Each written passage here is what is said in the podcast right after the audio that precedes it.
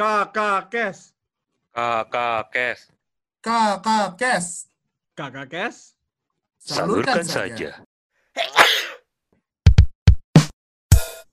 Kembali lagi di Kakak Kes bersama saya Viva Kadri Merdeka. Dengan teman saya di sini Bapak Rangga Sujud Widikda. Kali ini kita mau bahas apa, Rang? relasi SJW. Dan Omnibus Law. Ada banyak yang protes Oke. Omnibus Law. Aja dari awal udah pakai terminologi SJW ini. Ini ya, ini episode ini pasti bakal dihina-hina nih kayaknya, tapi ya udahlah. Di Omnibus Law. Biasanya mereka tuh bahasa apa sih? Kalau yang lu tahu, Rang? Gini, eh ah, pertama-tama gue akan be fair dulu kepada SJW. Be fair dalam arti SJW SJW ini tuh sebenarnya gak semuanya ngaco juga sih. Ada SJW yang memang benar. Iya. bahwa ada namanya uh, pengaturan-pengaturan yang memang hilang. Misalnya kayak peranan serikat buruh gitu-gitu memang kalau kita melihat secara sepintas itu memang dihilangkan Mhm. ketika ada terminate di tenaga kerjaan. Meskipun kalau kita baca lebih teliti lagi, sebenarnya kalau RUU Cipta Kerja itu tidak menghilangkan undang-undang tentang serikat pekerja. Hmm. Jadi sebenarnya eh, peranan serikat pekerja itu tuh gak benar-benar hilang juga, tapi itu butuh butuh analisis yang benar-benar mendalam antara hubungan RUU Cipta Kerja dan serikat Pekerja- dan serikat pekerja di UU 21 tahun 2000. Tapi kalau kita bicara yang lain, itu tuh banyak yang ngasal, Jadi kalau mulai dari tunggu bentar, Hmm? sorry. Kalau di serikat pekerja itu artinya dengan adanya omnibus law itu cuman untuk make sure agar serikat pekerjanya itu legit dan sah. Iya kan? Karena harus ada prosedurnya kan. oh bukan bukan, Bukan. Eh, nggak ke arah situ. Kalau kita bicara di omnibus law itu di serik- jadi ada pasal tentang perselisihan hubungan industrial itu jadi yang tadi serikat pekerja itu tuh di sebenarnya bukan dihilangkan ya. Ya benar dihilangkan. Yang di mana mereka tuh tadinya kalau kita bicara tentang pengaturan itu itu tuh ada bahwa serikat pekerja itu berperan dalam ketika ada perselisihan soal pengakhiran. Hmm. tapi di omnibus law itu itu hilang. Hmm. nah tapi sebenarnya kalau kita bicara apakah mereka benar-benar hilang? Ya enggak juga. Karena kita masih ada undang-undang 21 tahun 2000 jadi kita sebenarnya yang namanya serikat pekerja tuh nggak benar-benar hilang juga jadi kita bicara tadi pasal 151 nah pasal 151 ini tuh kalau di RUU Cipta Kerja ini nih pemutusan hubungan kerja itu dilaksanakan berdasarkan kesepakatan antara pengusaha dengan pekerja atau buruh. Hmm. Nah, kalau kita bicara di Undang-Undang 13 2003, tadinya tuh pengusaha, pekerja, serikat, dan pemerintah itu dengan segala upaya harus mengusahakan agar jangan terjadi pemutusan hubungan kerja. Hmm. Nah, itu itu ada peran serikat di situ. Hmm. Dan dalam hal segala upaya telah dilakukan, tapi pemutusan kerja tidak dapat dihindari, maka maksud pemutusan hubungan kerja wajib dirundingkan oleh pengusaha dan serikat pekerja. Nah, pasal-pasal itu hilang. Hmm. Jadi kalau kita bicara apa namanya peran serikat bekerja dikurangi benar, peran serikat bekerja dikurangi. Hmm. Tapi kalau misalnya ada perselisihan hubungan industrial, kalau kita bicara lebih lanjut lagi di Undang-Undang 21 2000 tahun 2000 di pasal 25, Hmm. serikat pekerja tetap bisa mewakili pekerja dalam menyelesaikan perselisihan industrial. Jadi eh, sebenarnya nggak benar-benar hilang peranan mereka. Tapi memang kalau kita bicara dikurangi, benar dikurangi. Dihilangkan enggak, tapi dikurangin iya. Itu efeknya hmm, bagus atau jelek kalau menurut lo? Kalau misalnya serikat pekerja itu dikurangin. Menurut gue ini sangat case by case sih, karena serikat pekerja itu kan bisa ah gini, serikat pekerja itu kan macam-macam karena ada serikat pekerja yang memang baik, yang memang dia eh, ada untuk sebagai penyeimbang kekuatan antara eh, buruh dengan pengusaha yang biasanya relatif kuat. Hmm. Tapi kan kalau di kalangan pengusaha ada juga tuh ya serikat-serikat pekerja yang jadinya sedikit kebablasan. Yang kebablasan Yang- ya. kebablasan. Jadi yang jadinya eh, sangat menekan pengusaha. Hmm. Jadi sebenarnya ini case by case banget. Tapi kalau gue bilang kalau kalau kita bicara in general sebenarnya ini buruk buat buruh secara umum Hmm. karena biasanya kalau kita bicara mayoritas ya mayoritas itu pengusaha pasti lebih kuat dari bekerja Yes. dan keberadaan serikat itu diperlukan untuk mengimbangi. Kalaupun ada serikat pekerja yang tadi yang kebablasan itu paling cuma di beberapa perusahaan. Kalau kita mau apa namanya banding-bandingan antara serikat pekerja apa namanya perusahaan dan serikat pekerjanya A dan jadi B. berbahaya yang kebablasan dibandingkan serikat pekerja yang benar melindungi, gue sih percaya tetap lebih banyak yang melindungi. Oh, Tetap lebih banyak serikat pekerja yang melindungi pekerja. Hmm, Nah, menarik. jadi jadi kalau gue lihat pasal ini sebenarnya merugikan pekerja. Tetapi kalau kita Tetapi. yang lain-lain, nah, ini Ini nih, ini menarik nih. pasal nih. Jadi kalau kita bicara omnibus law itu tuh gimana ya gini? Satu hal yang gue kesel dari omnibus law dan antara SJW ya, mereka tuh suka bikin narasi yang aneh-aneh sehingga akhirnya mereka jadi gampang dibantah. Contoh nih, misalnya apa namanya? eh, kita ngelihat outsourcing aja atau yang lembur. Jadi itu ketika misalnya mereka bilang bahwa outsourcing nih, outsourcing ini bisa di pekerja-pekerja di outsourcing bisa diputus kapan aja, ya itu kan gampang ngebalesnya. Tinggal kayak mana tunjukin pasalnya yang ngomong gitu. Jatuhnya mereka tuh kayak apa ya? Mereka tuh bikin argumen yang ke mana-mana, yang seakan-akan kayak bikin omnibus law jadi jahat banget. Tapi ujungnya mereka jadi nyiptain celah-celah yang gampang dibalas sama pemerintah. Pemerintah tinggal fokus aja, tinggal bilang kayak enggak, Masalahnya- outsourcing nggak kayak gini. Atau misalnya kayak pesangon hilang, ada yang, yang bilang kayak pesangon dihilangkan, itu tuh ngaco banget sih. Lu tuh baca RUU Cipta Kerja yang mana sih? Emang ada berapa draft sih RUU Cipta Kerja? Kayak ada seribu draft apa? Kayak RUU Cipta Kerja kan draftnya itu-itu aja. Dan banyak sectionnya lagi. Lu bisa Dari pemerintah tinggal kan? bilang, itu dia.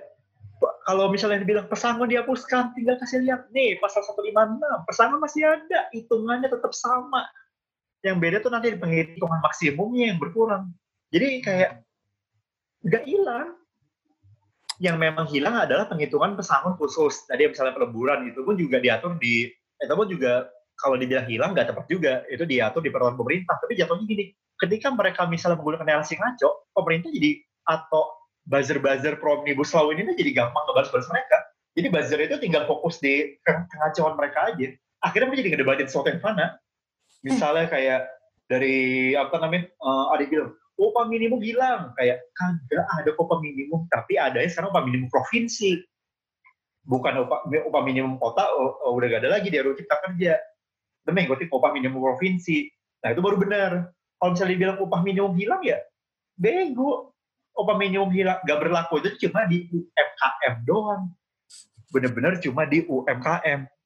hmm, Di luar UMKM, upah minimum berlaku. Nah, cuma kan tadi ketika para SJW-SJW ini yang bilang, Mbak, upah minimum hilang, outsourcing jadi apa namanya berbahaya, jadi bisa apa aja, terus kayak pesangon hilang, itu kan mereka jadi kayak gali lubang sendiri. Mereka tuh kayak ini, Cewek-cewek lubang kayak- anjing. Itu dia mereka tuh kayak istilahnya tuh kalau kita bicara zaman dulu ya kayak pakai kain merah di depan buzzer-buzzer jadi banteng itu tuh kayak cuma kayak eh oh, eh seruduk gue di sini eh seruduk gue di sini kayak ngasih target aja mereka tuh kayak jadi gambar target dari mereka tinggal ditembak Pemerintah aja anjing. iya jadi kayak Ya. Goblok kayak. lu tuh itu dia dengan jadi yang menurut gue SJW ini tuh kayak gak nah dengan mereka ngelebih-lebihin kejahatan omnibus law ini keburukan omnibus law ini. Ya satu sisi dalam jangka pendek memang kalau kita bicara jangka pendek ya eh, orang-orang tuh bakal kayak wah anjir apa namanya, ayo tolong omnibus law ayo demo ayo apa namanya, tentang viralkan misalnya di sosial media. Memang. Tapi ketika nanti dari pemerintah kasih tahu nih, lu baca sendiri di pasalnya, pas pesangon hilang, lu baca pasal 156, upah minimum hilang, lu baca nih, apa tentang bahwa upah minimum itu masih ada, yang upah minimum provinsi, bahwa upah minimum nggak ada cuma di UMKM, itu kan mereka bakal kena hajar balik. Hmm. Kayak apa namanya, bahkan nggak bilang soal upah minimum nih, lu baca pasal 88C, yang gubernur menetapkan upah minimum sebagai jadi pengaman. Kayak, nggak hilang. Jadi itu kayak apa ya? Diganti edit doang, bukan hilang. Jadi ya lo baca lah makanya. Itu Iya, seksi. baca. panjang-panjang amat anjing kalau lo baca bagian dari let's say eh, apa namanya ketenaga kerjaan gitu. Itu dia. Kayak kalau lu males tinggal kontrol F gitu. For God's sake kalau lu males ya misalnya ah males nih kepanjang halamannya eh kontrol F aja kalau misalnya kalau misalnya lu males ya. Itu udah sebenarnya lah itu harus upah minimum simple misalnya. Kalau lu males. Ini kan kayak ketika dibilang upah minimum hilang kan berarti ketahuan tuh ya menurut lu kontrol F itu udah serendah-rendahnya kualitas baca. Karena kan bisa aja ada perubahan terminologi. Dan nanti kalau upah minimum berubah jadi misalnya eh, upah eh, batas upah paling rendah gitu misalnya diubah terminologi ya gak bakal ketemu tuh. Kan itu gue bilang kontrol F itu tuh udah serendah-rendahnya kualitas baca. Karena apalagi nih kak? Hmm, itu karena emosi. Karena semua berbalik berbasis ke perasaan para pekerja. Rasa sebenarnya kalau perasaan para pekerja masih mending Hmm. ini semuanya jadi berbasis ke ego Perasaan saya Asumsi. yang paling penting. Subhanallah. dia asumsi lagi nah itu dia semuanya jadi Asumsi. berdasar asumsi Itu asumsi yang paling gokil. orang males baca Itu yang paling gokil tuh. Asumsi. Baca enggak, asumsi yes.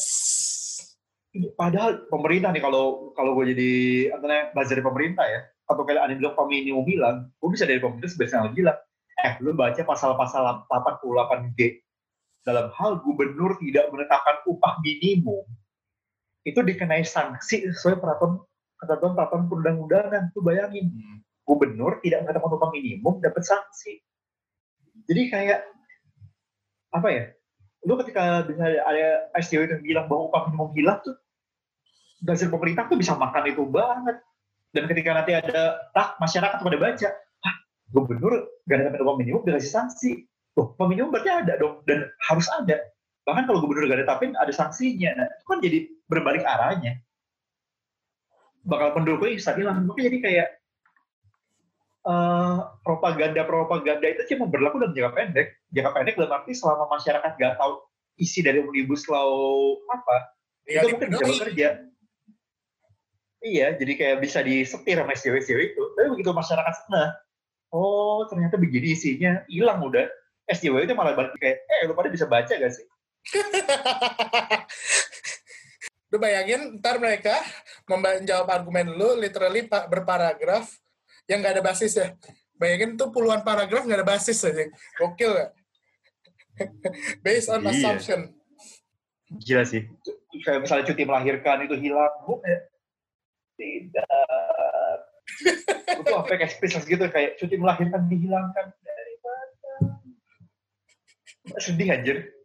Ya berarti gini, gue kalau lu lihat di episode sebelumnya, gue gak setuju sama Omnibus Law. Kayak gue bilang, secara pribadi, gue mending Omnibus Law ini gak ada, dibatalin. Tapi ya sebagai orang yang pengen nggak pengen ada Omnibus Law, ngelihat orang-orang yang ada di sisi gue nih kayak gini nih kayak Eh, pesimis anjing. Apa gue berubah pikiran mungkin? Kayak apa ya? Jadi kayak jadi dalam arti oke nih, lu nggak ngebayangin nih kayak lu misalnya jadi apa namanya seorang prajurit, terus apa namanya eh, lu udah siap pergi perang nih, tapi sekeliling lu tuh kayak pas lu udah ngeliat kanan kiri lu isinya kayak badut-badut semua. Jadi gue tuh kayak ini mereka beneran bisa untuk bertempur di medan perang gak nih? I feel you bro, I feel you. Makanya kayak untuk gua udah gitu tuh kalau lu lihat ya ketika gua dulu apa bukan dulu sih ketika gua ngebuat klarifikasi tentang omnibus law ini di Twitter kan gua tuh ngasih sudut pandang tuh di mana gua udah bener-bener gak berpihak tuh. Kalau misalnya emang pe- pekerja dirugiin gua bilang dirugiin. Kalau gua bilang pengusaha diuntungin gua bilang diuntungin. Kalau gua bilang pengusaha misalnya kayak dirugiin ya gua bilang dirugiin. Tebak yang nyerang gua yang bilang bahwa ini tidak netral itu siapa? SJW Kalau rakyat biasa pasti, oh makasih ya pak. bener bener bener. Kalau kita bicara orang-orang tuh banyak yang makasih makasih. SJW wah ini tidak netral. Wah ini tidak tahu keadaan Apa- apa- lapangan Pro pengusaha ya kamu, pro kor- korporat kamu. Gitu ya? iya kayak wah ini apa upaya penyetirannya ini gak banget kayak penyetiran dari mana? Gue penyetir apaan? Jadi pemikiran fakta tuh tidak netral aja. Oke, keren, keren, keren. Ini, ini, ini, gua fakta. salut ya sama SJW, SJW ini. Ini Ngomong tidak pemikiran tidak netral pada saat kita ngomong based on facts. Hukum sendiri aja itu juga based on facts gitu. Jadi ya, gue bahkan udah kasih loh screenshot naskah akademiknya, gue screenshotin aku aku tuh demi apa namanya biar kayak orang bisa baca sendiri. Masih dibilang gak netral juga tuh gue kayak, ya Allah, nih orang-orang kayak SJW SJW ini nih. Mending kalau gak netral terus mereka kasih argumen yang logis ya. Dibilang gak netral terus kasih argumennya juga yang ngaco juga. Iya argumen yang kayak bahwa di lapangan bla bla bla bla bla. Lapangan tuh kayak sebaik case by case banget anjing kayak lapangan belum sama sama lapangan gue dan yang namanya lapangan itu kan bisa dipakai dua belah pihak kayak misalnya dibilang bahwa pekerja banyak dirugikan karena pengaturan ini ya pengusaha juga bisa bilang ya pengusaha juga ada yang dirugikan karena pengaturan ini Jadi intinya well, buat mereka tuh baper di atas segalanya ya. Di atas segalanya itu baper dulu ya. Baru kita omongan logis ya. makanya kalau untuk gue sih kayak omnibus law ini tuh kemungkinan besar bakal disahin juga sih bakal disahin gue bukan karena pemerintahnya terlalu kuat ya pemerintah emang kuat mereka tuh kayak beran, mereka tuh kayak nyerangnya tuh nyerang nyerang hal-hal yang gampang dibantah dan ketika gampang dibantah ya ya ya udah tinggal ya tinggal tunggu semuanya mental dan akhirnya ini disahin aja gue sih aja. ya meskipun gue gak setuju tapi gue yakin sah kalau lawannya kayak gini Kayak mereka tuh malah malah kayak ibaratnya bukannya di, lu ngomong apa yang beneran masalahnya itu, lu cuma gangguin gua doang. Gue sahin juga lama-lama. Jadi kayak gitu kan mo- mo- modelnya kan.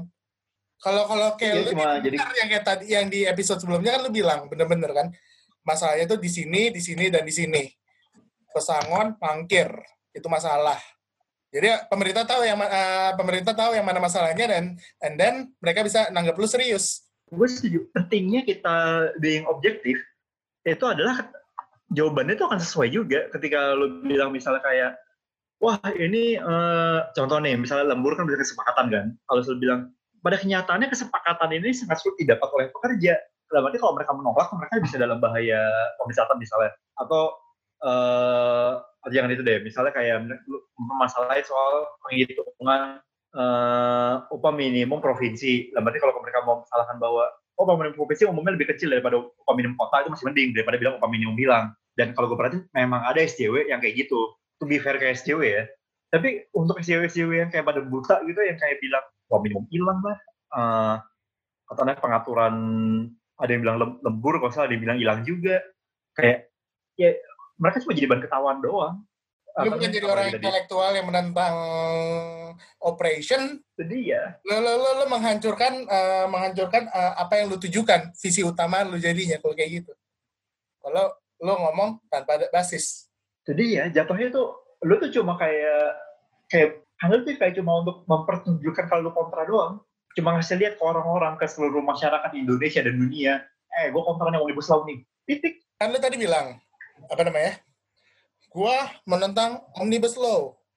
Orang lain nanya terus kan, amount of yang gue harus kasih ke lu berapa, Bre? 100 kan? Iya. Mungkin awal-awal amount of benar 100. Coba begitu udah mulai kayak ini ngaco, iya ini ternyata salah, itu salah, itu salah. Gak usah kita bicara ini salah, itu salah. Ada satu salah aja itu udah kayak, ah ini nggak bener ah. Dua salah langsung. Loh kok ini salah lagi? Oke. Udah salah lagi kayak, Yep, Ah. you're a clown. Please, speak more. And then I laugh. ya kayak, aduh, SJW di Omnibus Law ini jelek sih. Kayak, ujung-ujungnya lu nggak bahas HAM juga karena lu kalau ngomong HAM lu harus mikirin hak asasi manusia ke- kepada orang-orang yang ber- berbisnis kepada korporat. Nggak cuma korporat besar korporat yang kecil-kecilan juga. Itu kan mereka punya hak untuk berbisnis. Itu HAM juga. Lu nggak pikirin. Kalau lu cuma ngomong HAM yang setengah-setengah lu namanya, namanya bukan HAM. Lu namanya bias. Bener-bener, itu dia bias, itu dia. HAM itu adalah lu harus Iya. seadil-adilnya even ke orang yang lu nggak suka. Karena, karena HAM itu adalah hak yang ada dimiliki oleh semua orang. yes. Gak cuma kaum, gak cuma kaum mereka doang. Hmm, betul. itu yang kadang SDW nggak sadarin atau uh, menolak untuk sadar. HAM itu artinya harus orang-orang yang lu nggak suka juga harus dapat hak. Be fair, bukan bias. Bener. antara benar bisa antara gak sadar atau menolak untuk sadar. Kayaknya sih menolak untuk sadar sih kalau menurut gue sih. Nggak tahu ya. Bisa jadi gue yang Jadi- salah. Bisa jadi gue juga salah. Bisa jadi sebenarnya ya Oh. meskipun ya to, to be fair ke SJW tidak semua SJW begitu ya. Dan arti ya there always be a good one. Ya, cuma tinggal kebaca apa aja. Ya SJW yang benar, yang benar-benar kayak perjuangannya benar, bergerak di Asal- jalur yang Kan? atau iya bergerak di jalur yang benar-benar sesuai hukum kayak berarti dia ketika dia ngeributin sesuatu tuh memang hukumnya begitu itu tuh berapa banyak masalahnya dibandingin sama SJW SJW yang ngasal-ngasal di luar sana Tapi banyak yang ngasal sih masalahnya. Banyak yang terfokus sama yang ngasal sih. Lu nggak memfokuskan yang bener.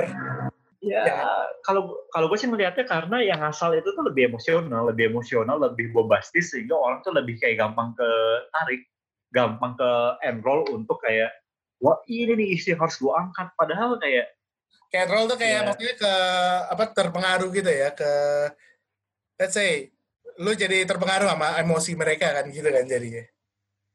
Iya, jadi kayak menurut gue tuh ketika SJW SJW itu tuh kayak ngebuat yang aneh, ngebuat statement yang aneh-aneh itu ya ketika ada yang terenroll sama mereka tuh lebih kayak ke itunya, kayak emosinya mereka tuh yang bener-bener sampai menggebu-gebu gitu yang ngebuat eh, orang-orang itu tuh jadi ngerasa wah ini nih yang diperjuangin pasti eh, sesuatu yang gawat banget nih, atau sesuatu yang udah darurat banget nih.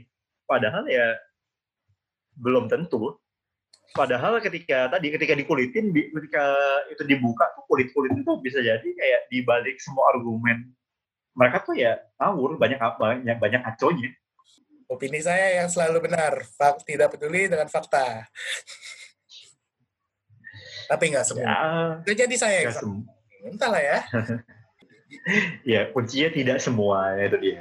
Not all, not everyone. Not everyone. Yes, yes, yes. Ya, itu aja sih ya. Diskusi kita hari ini ya. Menarik sih. Siap. Ada mungkin ada pesan kata lainnya, kata-kata terakhir untuk Omnibus Law atau mungkin untuk para SJW mungkin Rang? Budayakan membaca.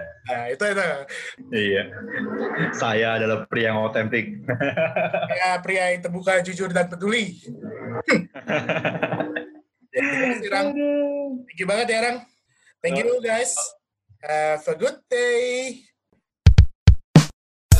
Kakak Kes. Salurkan saja.